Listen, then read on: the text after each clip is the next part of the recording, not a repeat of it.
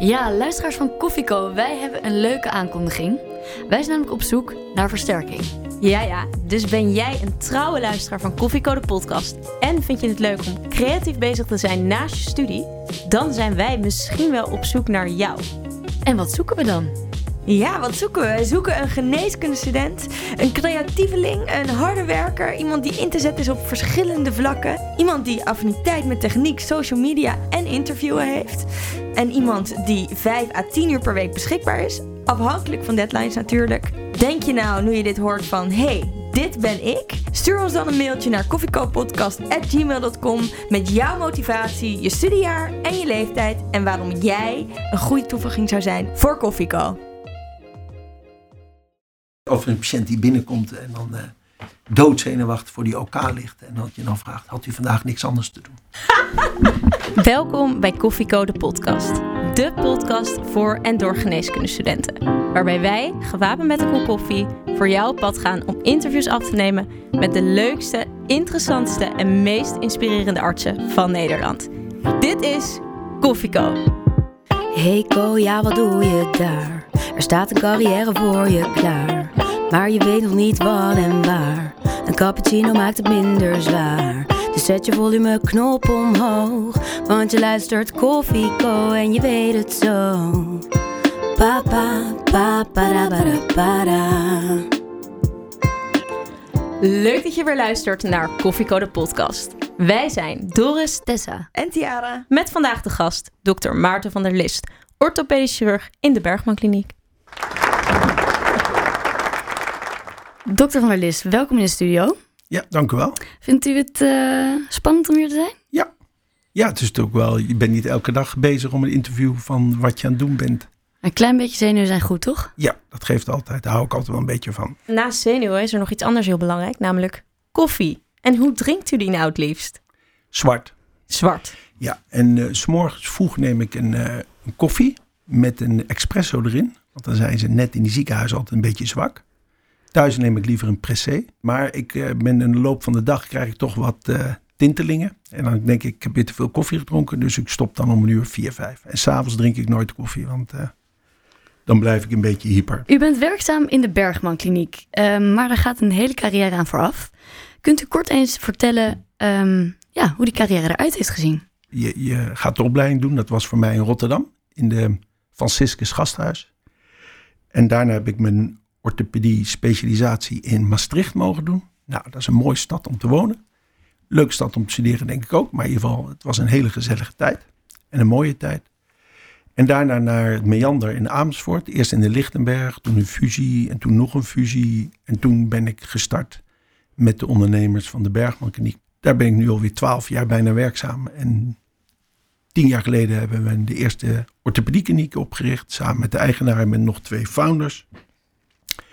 En dat is nu toch wel een ja, ziekenhuisje geworden wat wat groter is geworden. En we zijn nu met zes klinieken verder.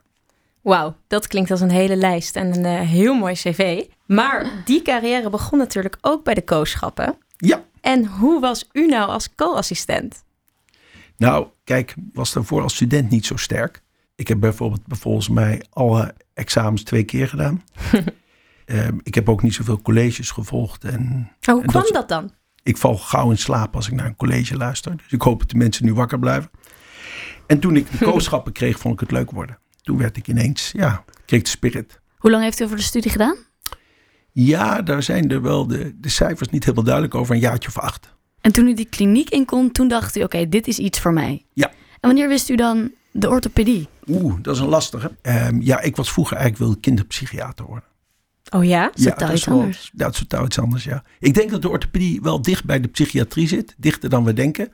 Hoe dan? Ja, de poli draaien is wel anamnese afnemen, maar ook luisteren. Niet luisteren naar de patiënt, maar ook luisteren wat er tussen de regels door is. Je vak uitoefenen als orthopeet is, ja, je vervangt een gewricht of je herstelt eh, functie. En dat is niet altijd de vraag van de patiënt. Dus dat is nog wel iets wat nog wel lastig is, vind ik, bij de orthopedie. Lastiger dan wij denken. Je opereert pijn, je behandelt pijn. En dat is natuurlijk heel gevaarlijk, want als je pijn gaat opereren, dat los je niet altijd op. Dus de lichamelijk onverklaarde klachten, wat soms pijn is, daar heeft u veel mee te maken. Ja, meer dan wij denken. Ja, en ik probeer dat ook met aparte polies op te lossen. Oké. hey, maar de orthopedie, hè? Ik ben Ja. nog steeds benieuwd. Hoe Ja. kwam je daar nou bij? Ja, nou weet je, er zit er wel een klein beetje een geheim achter. Toen dacht ik, wat ga ik? Toen ging ik psychiatrie doen en toen eh, was ik, ik had mijn zo'n superco gedaan in de psychiatrie. En toen zei die professor, nou je kan het wel komen doen, maar ik weet niet of je het volhoudt.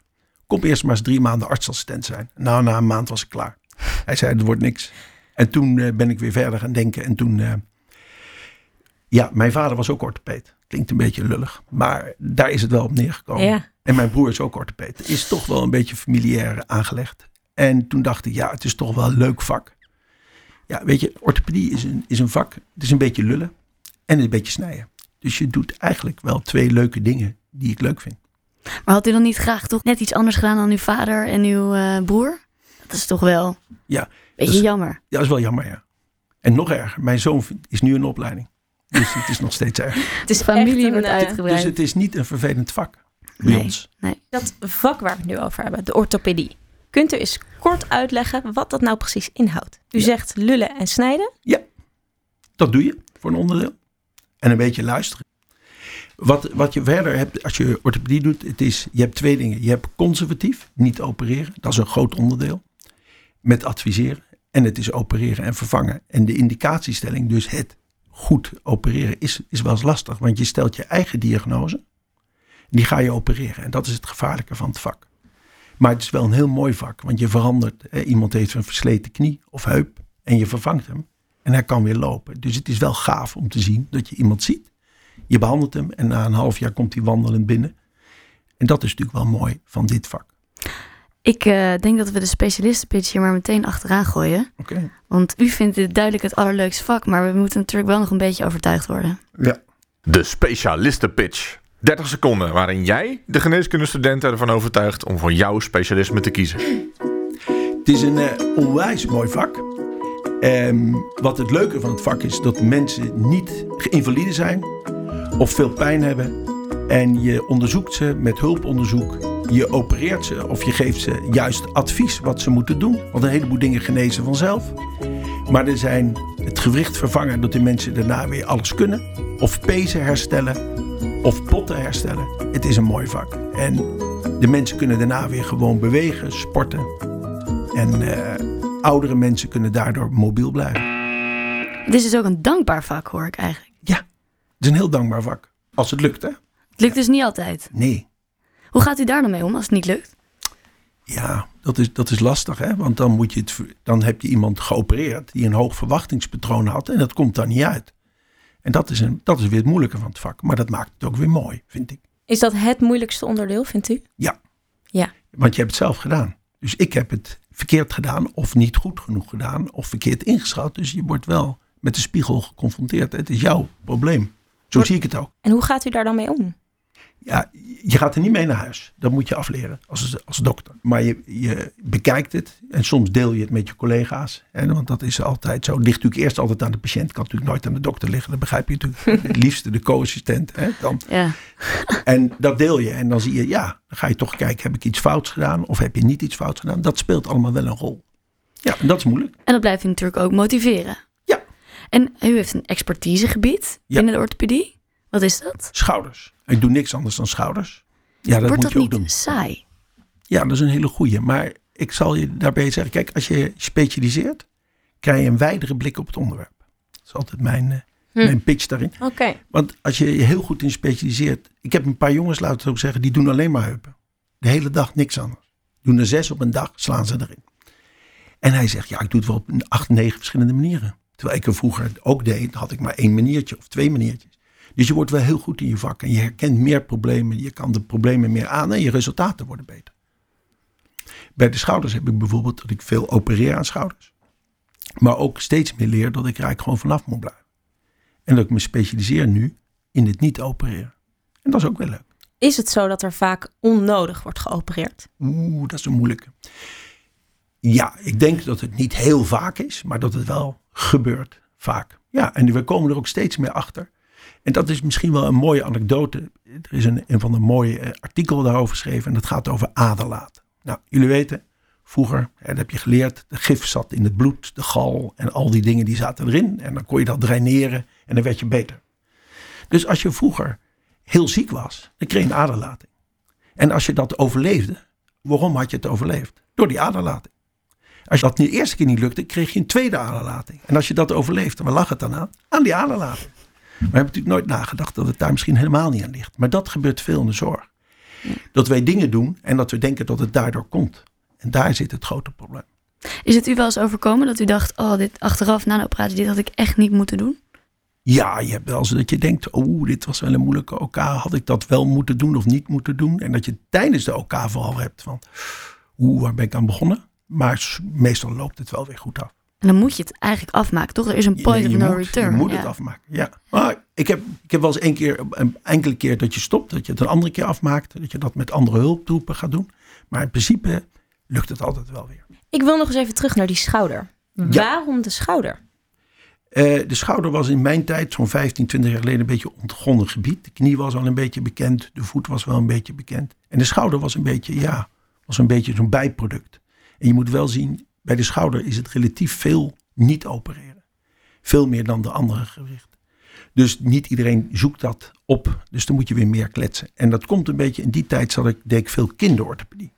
En bij kinderorthopedie is helemaal eigenlijk alleen maar wachten tot het vanzelf weer goed gaat. Ja. Dus ik was wel gewend om te aanschouwen.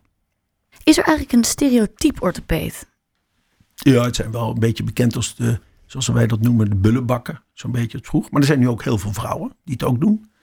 En dan Zijn dat dan niet ook bullenbakken? Nou, ze kunnen zich soms nog wel eens als een man gedragen. Dus ze hebben zich wel leren herkennen. Ik zeg, ik heb, maar in principe, ja, ik denk dat het wel een heel straight fact is. Hè? Dus ik bedoel, ja, je moet een goed onderzoek doen. Goed luisteren. En je moet ook niet onhandig zijn. Ik denk dat het bij ons toch wel een technisch vak is. Een beetje timmerman. Weet je, je moet goed zagen. Je moet goed kunnen boren. Je moet er een plaatje op kunnen zetten. Je moet een gewricht vervangen. En je moet wel houden van precies. Het moet altijd goed. En als je een beetje verkeerd zit, dan ben je al de klos. Dus je moet wel heel precies zijn. Het eigenlijk lijkt voor ons co-assistenten soms alsof het er heel grof aan toe gaat. Het grote geschut, de hamers, de zagen. En Ja. nu zegt u, maar het moet wel heel precies. Ja, je moet wel heel precies zagen. Ja. Want als jij zaagt voor een knieprothese en je zaagt het niet helemaal goed af, dan staat die knie scheef. En ehm, hoe zou u uzelf omschrijven? Als Wart van orthopeed zou u zelf omschrijven? Nou, ik doe weken delenfusie. Dus ik doe eigenlijk meer de het schouder die uit de kom gaat, kapsel hechten, Ja. kleine bordjes verplaatsen, pezen die stuk zijn hechten, kleine stukjes bijschaven. Dus daar zit ik meer in die materie. Wat u zo beschrijft is best wel precies. Gebeurt het ook laparoscopisch?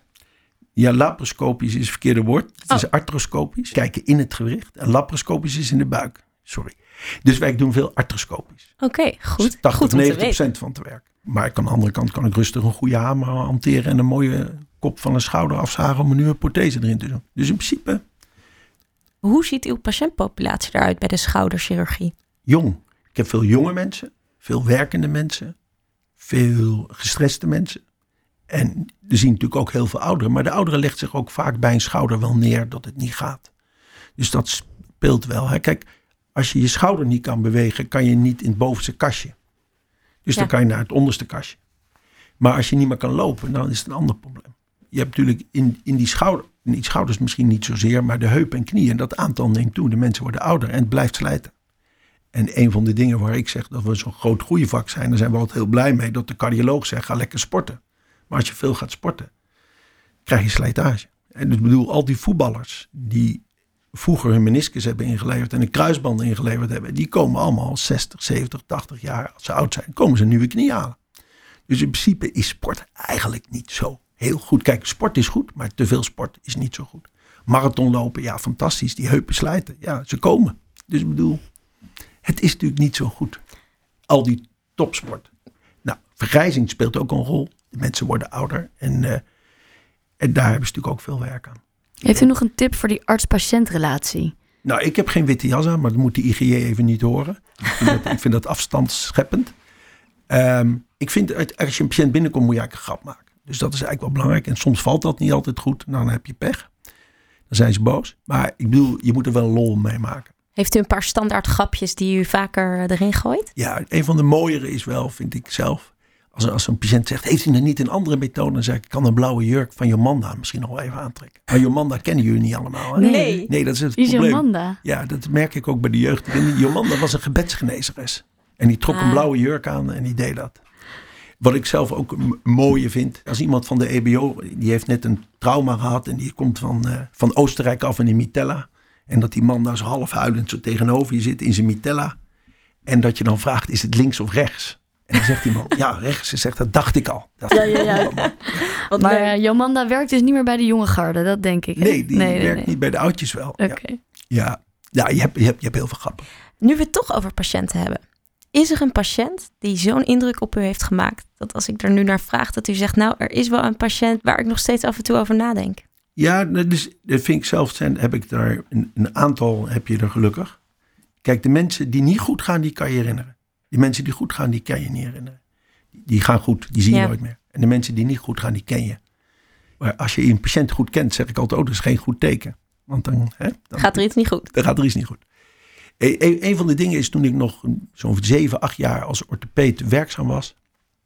Toen ehm, kwam er een uh, berevalidatiearts die zei, die patiënt heeft twee ankylotische heupen. Dat betekent de heupen zijn helemaal stijf, vergroeid. Die waren helemaal vastgegroeid aan beide kanten. En die mevrouw kon alleen nog maar liggen. Dus toen zei ik, nou ja, ik zeg, ik vind het wel eng, want ik ben nog maar jong en dan kunnen we niet naar de academie sturen. Zei ze, nee, die willen het allemaal niet meer doen. En eh, nou, toen zei ik, nou, ik wil het wel lagen. Dus met z'n tweeën hebben we dat gedaan. Eerst links en eerst rechts. En die patiënt liep weer. Die was helemaal blij. En twee jaar later overleed ze. En eh, toen bleek dat hart het haar niet aan te kunnen. Dus misschien heb ik er twee benen gegeven. Is ze weer veel gaan lopen? Is ze weer heel veel gaan doen? En toen is ze gestorven aan, aan de hart die het niet meer aankomt. Aan te veel doen. Ja. Ja, dat is dan wel weer, ja, vind ik eigenlijk wel mooi om naar terug te kijken. Dan denk je, ja, dat is niet handig. Maar aan de andere kant, ja, dit soort dingen gebeuren in de gezondheidszorg. Hè. De, de, de zorg is niet alleen maar dat ze die heupen verslijten. Maar het is ook wel dat het hart misschien niet aan kan, dat het darm bijna slijt. Weet je, het slijt niet alleen maar een heup, het slijt ook een lichaam. Met andere dingen. Dus dit Ja. speelt allemaal wel een rol. Is er nog een moment geweest in uw opleiding die u echt heeft eh, herinnerd als een soort keerpunt? Nou, dat, dat heeft te maken met antistolling. Nou, dat was vroeger, om, dat deden wij dat haast niet. En ik had een eh, patiënt, mijn eerste zelfstandige appendix eruit gehaald, zonder baas. Ja, daar was ik heel trots op. En ik had die man 's morgens de tweede dag ontslagen, een handje gegeven, of de derde dag, ik weet niet meer.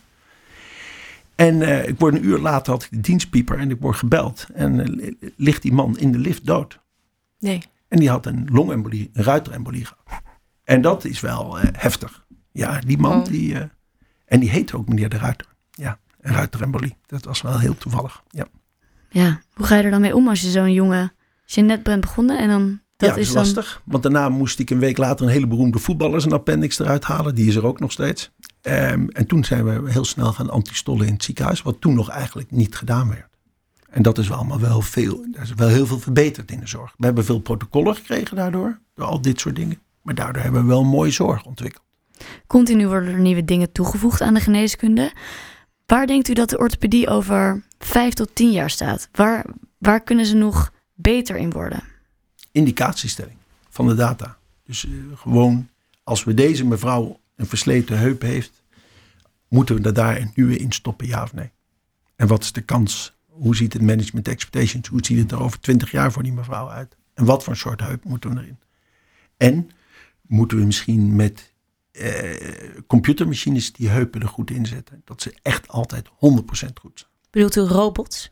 Yes. Heeft dat nu al een plek binnen orthopedische Is chirurgie? Ja, het is, dat is groeiend. Maar het is nog niet bewezen dat het beter is als de orthopeed op dit moment. Dat is natuurlijk nog wel mooi. Maar we gaan eraan. Ja? Ik bedoel, die precisie gaat straks beter worden. Gaat orthopedie dan verdwijnen? Nee. Ik denk dat eh, de gemiddelde orthopeed eh, dat, nog zeker, dat nog steeds kan doen. Maar ik denk dat we steeds meer geredigeerd worden met, de, met besturen van robots die ons gaan helpen het beter te doen. Stapt u dan uit? Ja, ik heb nog zes, zeven jaar. Hè? en dan zou ik wel weer meer management willen doen. Oh. De co-telefoon. De co-telefoon. Ehm, dat is een item in onze podcast waarin eh, wij een vraag gaan stellen. Die is ingestuurd door een van onze luisteraars. Dus dat is meestal een van onze mede-geneeskundestudenten. En de vraag luidt deze keer als volgt. Waar ligt de scheidingslijn tussen orthopedische chirurgie en traumachirurgie? Dat is een hele goede vraag. Ehm, wij doen in principe, is traumachirurgie, betekent het trauma van de EHBO. eh, is dat je s'nachts 24 uur diensten moet draaien voor mensen met fracturen. Ehm, dat zijn traumachirurgen. Dat kunnen orthopeden zijn en, en traumachirurgen. Soms werken ze samen op de EHBO, doen ze die diensten samen. En dat gaat dan vooral van de traumachirurgie in de gewrichten die kapot gaan, botten die kapot gaan, meestal dat onderdeel. En wij doen meer, zeggen we altijd, de koude orthopedie. Dus dat is dan, als het al een beetje afgekoeld is, de wond. Dus dat is reconstructies doen als er fracturen zijn geweest. Of het is een hele moeilijke fractuur intraarticulair, dat de traumachirurg zegt, kunnen jullie dit niet doen? Nou, daar zit een scheidslijn. Dat ligt ook een beetje aan de specialisatie van de traumachirurgen in dat moment. En dat soort dingen. Dat speelt Iets meer actie bij de trauma? zeker. Maar bij ons geen nachtdiensten. Dat is ook een voordeel. Dat is ook wel lekker, hè? Maar als AJOS, dan heb je toch ook wel nachtdiensten? Dan heb je nachtdiensten, maar dan, dan draai je meestal in een opleiding. In een opleiding doet een, doet een orthopeed, hebben ze één weekend, één keer in de twee of één keer in de drie weekenden doen ze het weekend draaien. En dan doe je ook één dag per week, doe je de dienst. En dan doen de orthopedische assistenten in opleiding doen dan de, de dienst. Maar de nachtdiensten, dat was niks voor u. Oh ja, want ik, ik vind dat helemaal geen probleem. Nee? Nee, Oh. ik kan mij zo wakker maken en een half uur later ben ik er. Nee, dat vind ik niet een probleem. Oh, Ik vind ook niet. Ik, toen ik in het grote ziekenhuis werkte, in Meander. Toen eh, werd ik uitgesloten van de dienst, omdat ik zo'n lange wachtlijst had met die schouders. Dus ze wilden eigenlijk niet dat ik trauma deed, want dan kon ik weer een ochtendje niet komen. En dan liep die wachtlijst weer op. Dus in principe, ik vond het jammer, maar ik heb heel veel schouders nog in fracturen geopereerd. Dus dat hoeft allemaal niet acuut. Een schouderfractuur hoeft niet acuut. als er nou nu een ehm geneeskundestudent luistert die de orthopedische kant op wil gaan, die eraan denkt om orthopedisch chirurg te worden, heeft u tips voor zo iemand? Ja, dat, het is natuurlijk heel erg dringen om, om een opleidingsplek te komen. Ja. Ik denk dat je, ja, vaardigheden heeft denk ik niet zoveel zin om te trainen. Ik denk dat je moet zorgen dat je een cv opbouwt waardoor ze je uitnodigen. En dat heeft onderwijs te maken, artikelen te schrijven of buitenzinnige dingen te doen. Hè. Dus ik heb me altijd ingezet voor logistiek. Ik vind logistiek heel leuk. En ehm, daardoor ben ik ook in management gevallen. Maar daarover nadenken kan je ook heel veel ontwikkelen. Ik denk dat dat belangrijke dingen zijn om te doen. Maar eigenlijk zegt u, nou, doe je best om je cv goed eh orthopedische kant Maar doe ook, je, je, kijk, je kan ook heel goed viool spelen of heel Ja. goed sporten of, of iets doen. Maar laat zien dat je ergens toe een uitdaging wil doen. Ja. Dat, dat is denk ik wel belangrijk. Nou, de geneeskundestudenten van nu hebben het best wel druk. U heeft het ook wel eens heel druk. Hoe zorgt u ervoor dat u ehm, het allemaal volhoudt? Ja, kijk, die, die, kijk dat management dat kost natuurlijk ook tijd. Nou, je kan met een dokter alleen s'avonds praten. Ja, ik denk dat er voor mij een geheim is, en dat zie ik ook om me heen, is als je werkt, werk je. En als je thuis bent, ben je thuis. Dus je moet je, je, je, werk, je studie niet mee naar huis nemen. En je moet ook niet je thuis weer naar je werk nemen. En dat moet je duidelijk scheiden. Ja. Wat ik vaak zie is dat dokters het heel druk hebben. Dan zijn ze nog dingen aan het regelen voor thuis. En als ze thuis zijn, zijn ze nog aan het werk aan het regelen. En dan raak je het kwijt, de draad. En ik denk dat je dat goed in, in één lijn moet houden. Of twee lijnen. En heeft u wel eens te maken met co-assistent? In het Meander had ik wel co-assistenten. En in dit ziekenhuis hebben we nog geen of geen co-assistenten. Maar daarnaast ben ik wel huisartsenopleider. Dus ik heb elke vier keer per jaar een huisarts drie maanden die ik opleid en begeleid. En wat leert u hen dan? Drie dingen. En dat is eh, de schouder. Ja. En ze leren verder nog het andere gewricht, omdat ze met collega's meelopen. Een stukje management. Dus ik leer ze ook nog, hoe ga je straks je huisartsenpraktijk doen? En een stukje marketing, wat ik ook nog een beetje in mijn portefeuille heb. En die eh, huisartsen in opleiding, die komen dan bij u? Ja, Vindt u het dan niet jammer dat ze dan huisarts worden? Ziet u er wel eens eentje dat u denkt, nou, oké. nou ik heb ook nog een beetje huisarts willen worden. Maar dat mocht niet van mijn vrouw, want ze was bang dat ik de praktijk mee naar huis zou nemen. Dus dat is niet gelukt. Dus ik vind dat een mooi vak, Ja. huisarts. Ik vind huisarts een mooi vak. Was dat een tweede keus geweest voor u? Ja, dus je eigen, je eigen toko draaien, is hartstikke leuk. Ja. Ja. Met een team. Het lijkt mij heel erg leuk. Ja. Je bent de hoeder van veel mensen. Ik denk dat het een mooi vak is. Zit er nog een carrière switch aan te komen? Die ga ik niet meer redden. Nee. Nee. en het onderwijs vindt, is dus ook iets wat u heel erg leuk Ja, vindt. vind ik ook heel leuk. Hoe bent u daarin gerold? Ja, ik zit natuurlijk niet in een universiteit waar daar mee zit. Ik heb geen opleidingskliniek. Ehm, het onderwijs vind ik gewoon heel leuk. Het is gewoon leuk om mensen te leren. Ik vind het zelf leuk om te leren, te veranderen en te denken: oh ja, doe ik het nou op deze manier? Moet ik het niet anders doen? Eh, dat is denk ik wel ook heel goed om je dat in je, in je bol op te slaan. Dat het niet altijd 30 jaar hetzelfde vak is. Hè. Dat vak verandert, ook voor jullie. De data, de computers en al die dingen, die gaan dingen veranderen. Dat is denk ik één. En verder vind ik het heel leuk dat ik als orthopeed heb ik heel lang in het Oostblok lesgegeven. Daar ben ik zo'n 10, 12 jaar mee bezig geweest. Dus ik heb daar geholpen om dingen te doen. Mijn collega's gingen, plastische, die gingen naar Afrika voor hazenlippen en al dat soort dingen. Maar ja, een schouder opereren in de rimboer heeft niet zoveel zin. Dus ik ben toen in Oost-Europa, wat toen net die switch had gemaakt, ben ik toen eh, gaan helpen. Hebben bijvoorbeeld zo'n Polen, Slovenië en, eh, en, en, en Kroatië hebben zich ontzettend ontwikkeld in die landen. En dat is hartstikke mooi om te helpen.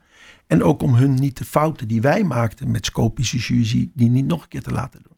Dus daar heb ik heel veel kadaver, kadaversessies gegeven en lesgegeven. Werd heel het daar snel opgepakt? Heel snel. Ja, ze zijn slimme mensen. Ja, en ik denk dat in Polen zijn ze al bijna verder met scopische orthopedie, de schouders dan wij. Heeft u er ook over nagedacht om bijvoorbeeld daar naartoe te verhuizen? Nul. Nee, Nul. te gehecht aan Nederland? Veel te gehecht in Nederland. U heeft eh, zowel in het ziekenhuis gewerkt als nu in een kliniek. Ja. Wat vindt nou het grootste verschil? Wat is het verschil? Bij ons is het wel echt heel erg gestoeld op efficiënt werk. Dus daarom zijn wij, en dat dragen wij ook uit, liever doe ik, heb ik maar iemand die maar één gewricht doet. Dat hij er echt top in is. Dat hij begrijpt wat als hij dit doet, dat hij dat krijgt. Als hij dat, dat dit krijgt. Dus wat, wat betekent dat als een patiënt een nieuwe heup komt, dat we dat heel goed proberen te monitoren. Maar er gaat op een dag, als een patiënt geopereerd wordt, gaan er strak elke dag zes nieuwe heupen in. In de ziekenhuis is dat veel minder makkelijk te organiseren. Dus onze zorgkosten om zo'n heup erin te zetten zijn veel lager dan die van een ziekenhuis. Omdat die veel lager van een ziekenhuis is, kunnen wij het ook goedkoper doen. En dat is wel weer een manier om te zorgen dat de zorgkosten in Nederland naar beneden gaan. Mist u het ziekenhuis nog wel eens? Ja, ik vond het wel. Ik vond het ziekenhuis verlaten vond ik wel jammer. Het is toch een groter gebouw en ge- iedereen kom je tegen. Er gebeurt heel veel, heel veel hectiek. En bij ons is er eigenlijk geen hectiek. En bij ons gaat gewoon eigenlijk, s'morgens gaat open en s'avonds gaat dicht. En s'avonds blijven de mensen over. Maar het is in principe allemaal strak georganiseerd. En er gaat nog wel eens, gelukkig gebeurt er nog wel eens wat. Dus dan is er wel weer een beetje gebeurt er wat. Maar in principe is het een ziekenhuis ja, dan komt iemand met een ernstig trauma binnen en dan moet er ingebroken worden in OK-programma's. Dus dat is een hele andere organisatie. Is dat ook een wat minder stressvol leven? Nou, er zijn bij mij genoeg mensen die gestreste kippen rondlopen, dus daar maak ik me geen zorgen over. Je hebt wel die hele precieze dokters, die kunnen toch altijd weer gestrest raken. Ehm, ik denk wel dat het een relaxte omgeving is. Ik ben daar veel, ik, ik voel me er wel aan thuis, maar in het ziekenhuis was ik ook eigenlijk relaxed. Dus ja, ligt eraan het aard van het beestje toch wel een beetje. Ik heb nog wel een beetje een brutale vraag over de. Bergman Kliniek. Wat wij namelijk vaak horen is dat je daar eh, een beter salaris krijgt. Is dat waar? Voor sommigen wel. Voor maar sommigen? niet voor iedereen. Een aantal dokters die zijn gewoon in dienst. En die hebben hetzelfde loon als in het ziekenhuis. En bij ons zijn er een aantal die hebben het iets beter. Maar die, die doen ook meer dan wat een gemiddelde dokter doen. En je hebt sommige dokters, als hij de zes heupen in een dag inzet of vier, krijg je ook iets meer. Dat speelt een rol. En dat moet niet de- de reden zijn, maar dat, dat gebeurt wel. Kom, komt er ook een ander soort patiënt bij de Bergman Kliniek? Ja en nee. In het begin wel, maar nu steeds minder. Het is wel zo dat wij heel veel second opinions doen. En dat er heel veel mensen graag snel geholpen willen worden. Bij ons als mensen niet zo'n hele goede conditie hebben. Slecht hart en dat soort dingen mogen ze bij ons niet geopereerd worden. Omdat wij geen intensive care hebben. Dus dat gaat terug in het ziekenhuis. En dat is ook vaak een strijd tussen ziekenhuizen en ZPC's. Ik heb nog een andere vraag. U bent ook directeur. Ehm, Medisch directeur. U bent, u bent medisch directeur. Dat is ook een beetje ondernemen in de zorg. Als u zou moeten kiezen, directeur blijven of arts blijven? Goeie vraag. Ik denk dat ik nu, als ik die keuze nu zou krijgen, dan zou ik arts worden. Maar ik vind de combinatie van lesgeven, management en je vak doen, is wel belangrijk. En ik denk dat de medisch directeur, als hij zijn vak nog doet, dan is hij ook nog met zijn voeten staat hij op de vloer. Hij weet nog wat de problemen zijn, want anders ga je van de werkvloer af. En ik merk heel snel, ook voor de directieleden, dat ik zeg, joh, dit zit zo en zo. Dan moet je die dokter zo laten, dat moet je hem geven en dat soort dingen. Omdat je veel meer betrokken bent met de werkvloer. U doet veel ernaast, dat horen we al. Is dat omdat dat makkelijker te combineren is met het werken in de Bergman Kliniek dan in een ziekenhuis? Ik denk dat het aan de persoon ligt. Ik denk dat, eh, ik vind het leuk om te doen. Het geeft me energie. Maar als ik een vergadering doe, duurt die drie kwartier. En die geen anderhalf uur. Dus dan drie kwartier ben ik klaar.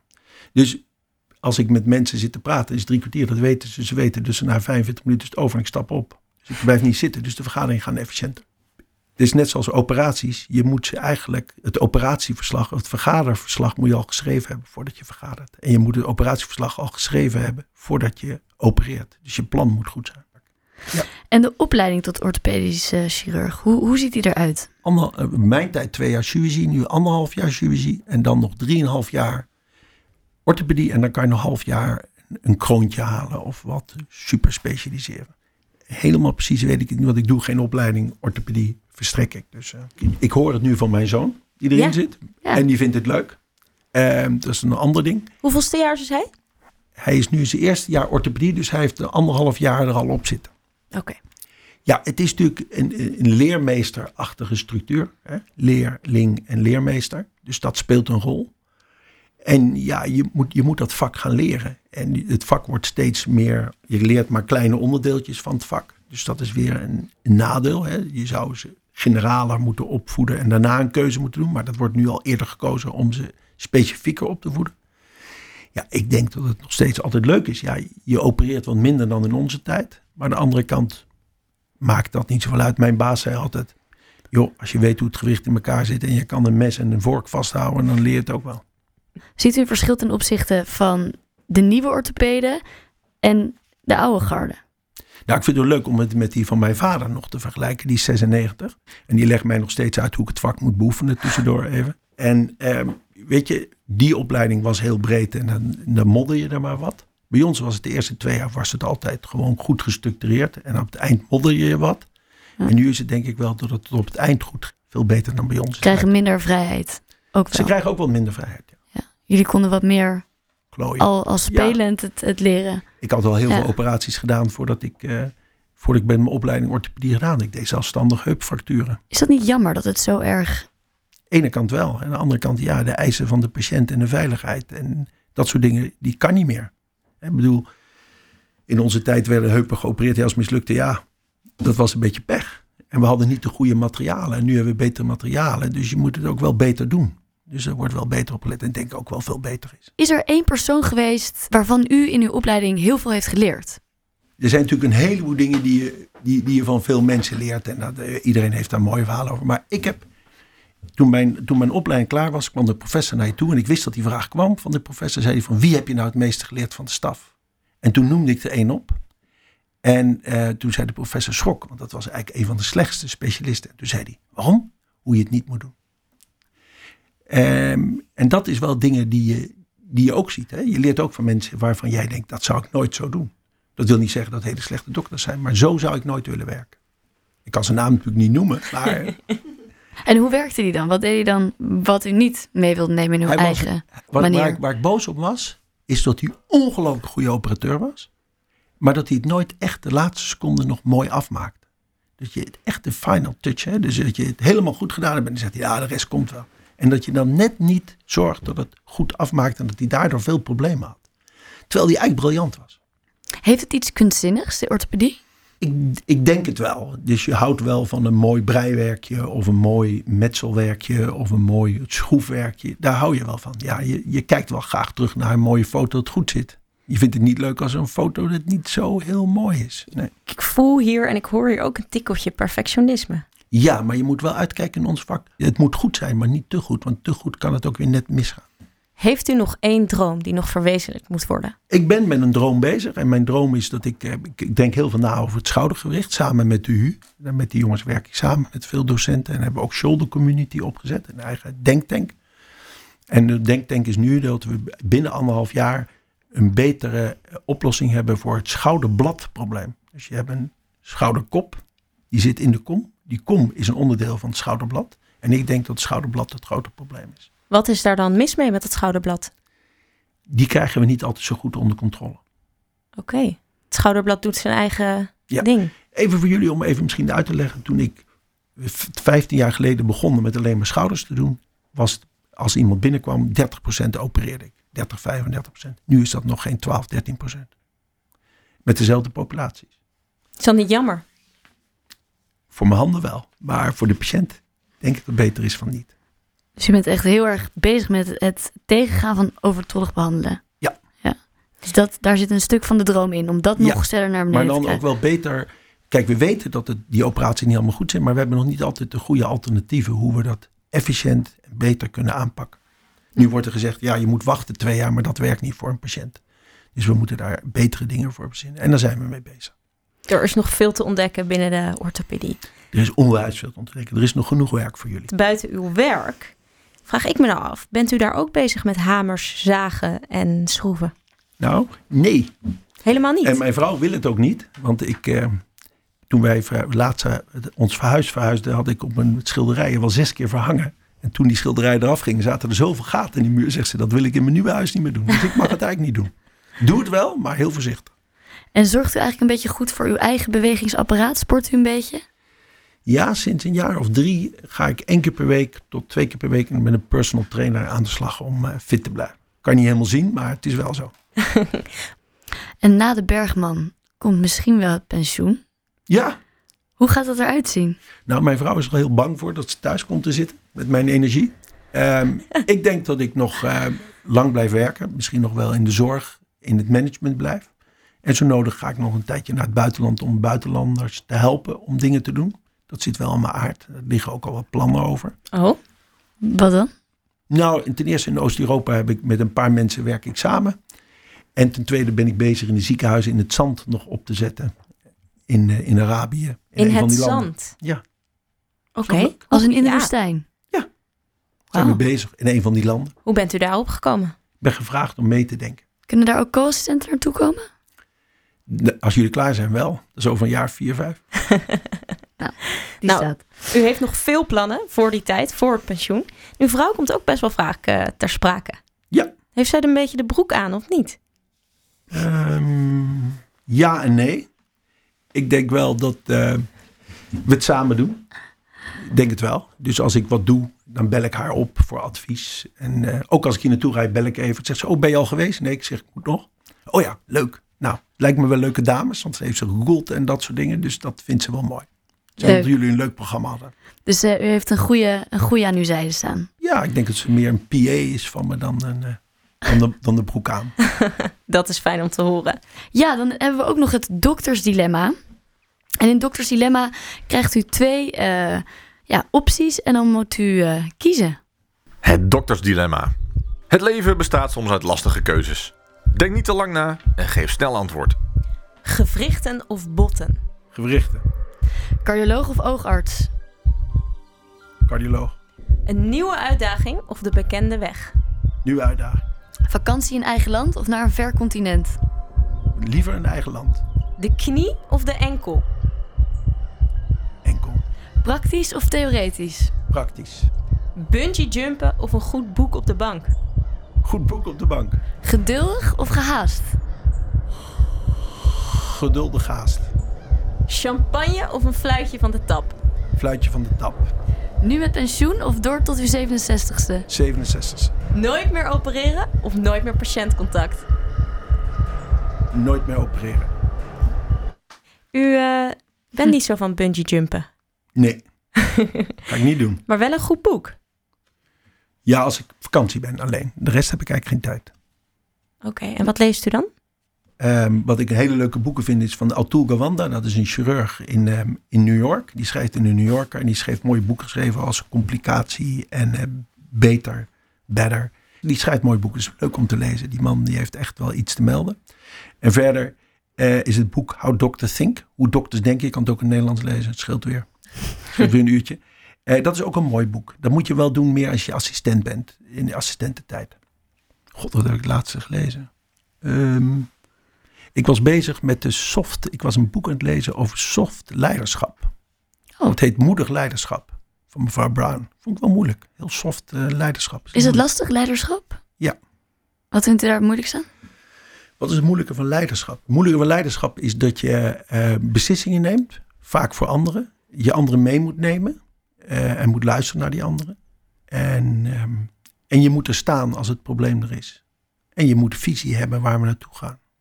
Bent u een geboren leider? Dat is een goede vraag.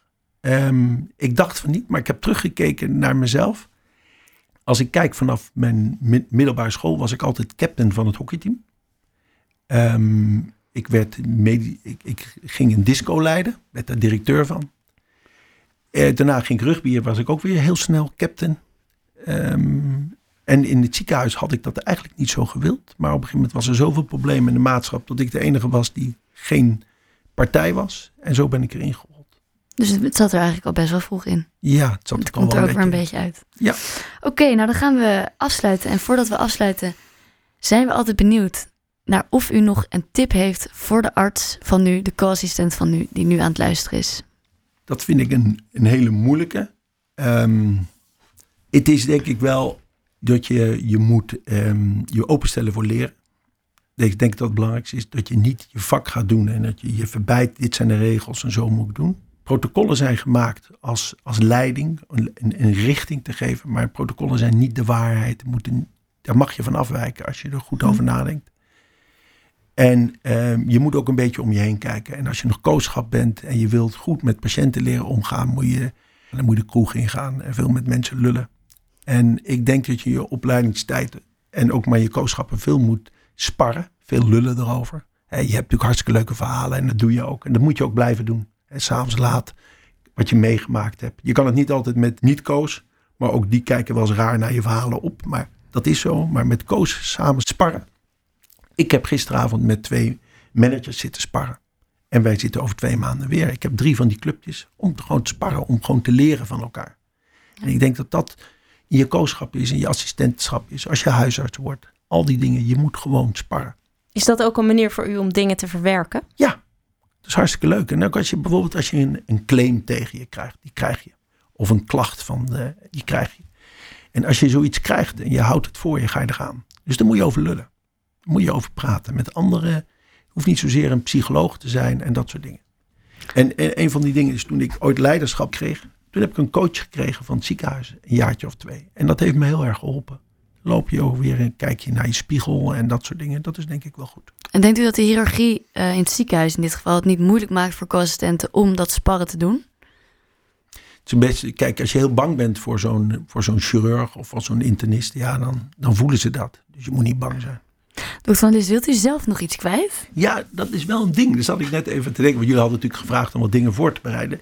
En een van de dingen, nou, er is wel een wereldverhaal. Ik ben eigenlijk heel slecht in de administratie doen. En ik heb een slecht handschrift. Dus hoe kan je dat nou oplossen? Toen had ik gedacht, ik maak een voorgedrukt vel. En dan staan al die vragen erin. En dan hoef ik daar nooit meer over na te denken. En het onderzoek heb ik ook al getypt. Dan kan ik maar met een dun pennetje kon ik bijschrijven. En ehm, toen kon ik het zelf teruglezen. Maar ik was natuurlijk vergeten. Ik dicteer al die brieven. En ehm, toen had op een gegeven moment, eh, ik deed dat dan één keer in de maand, dicteerde ik. En dan kwam er gewoon zo'n brancard binnen met ongeveer zo'n 100 status. En die meiden werden gillend gek. En toen op een gegeven moment had ik weer gedicteerd. En toen kwam ik twee weken later het bandje tegen. En eh, toen kwam ik naar ze toe en ik zei, joh, ik heb het bandje gevonden. Toen zei ze, oh nee, de brieven zijn al weg. Toen zei ik, dus jullie luisteren helemaal niet naar mijn bandje. Nee, we luisteren helemaal niet meer naar je bandje. We typen het gewoon. En toen dacht ik, oh ja, dus je hebt helemaal niet dat dicteren nodig. Toen zijn we maar gestopt met dicteren. Toen deed ze alleen voor moeilijke second opinions moest ik het dicteren. Dus was mijn administratielast kwijt. En zo kan hem gewoon, het merendeel van de brieven die de dokter typt, is allemaal standaard. Dus ik bedoel, het is een frozen shoulder bij mij, het stijve schouder. En dan kan je die therapie, die therapie, die kan je aantikken in de computer en dan gaat die brief eruit. Moet allemaal niet zo heel ingewikkeld. U zegt eigenlijk die kostbare tijd van de dokter, die moet echt niet gaan naar een mooie brief. Nee, en wie leest die brief? De huisarts. Denk je dat hij hem leest? Die leest de conclusie, verder leest hij niks. Waar ik een beetje eh, moe van word, is dat iedereen zo klaagt over die administratie. En ehm, een van de dingen is dat ehm, je hebt, we hebben een EPD bedacht om het makkelijk te maken, maar iedereen maakt het moeilijker. Dat zit ook in de hiërarchie met ziekenhuizen, maar ook bij ons eigenlijk wel. Ik heb het eigenlijk zo, ik heb zo'n 8% van mijn tijd stop ik in de administratie. En de rest ben ik gewoon vrij om mijn handelen te doen. Dus je kan wel veel creëren. En daar heb je natuurlijk wel de hulp van nodig van ICT-afdeling en dat soort dingen. Maar er is heel veel mogelijk. En ik denk dat we onze aanstaande tijd de EPD's moeten klaarmaken voor de dokter. Maar hoe dan? Daar ben ik nu mee bezig. Dus ik ga nu met alle dokters samenwerken om het EPD voor de dokter te maken.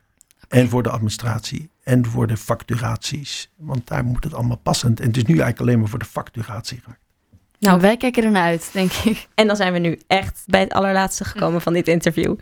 Vond u het wat?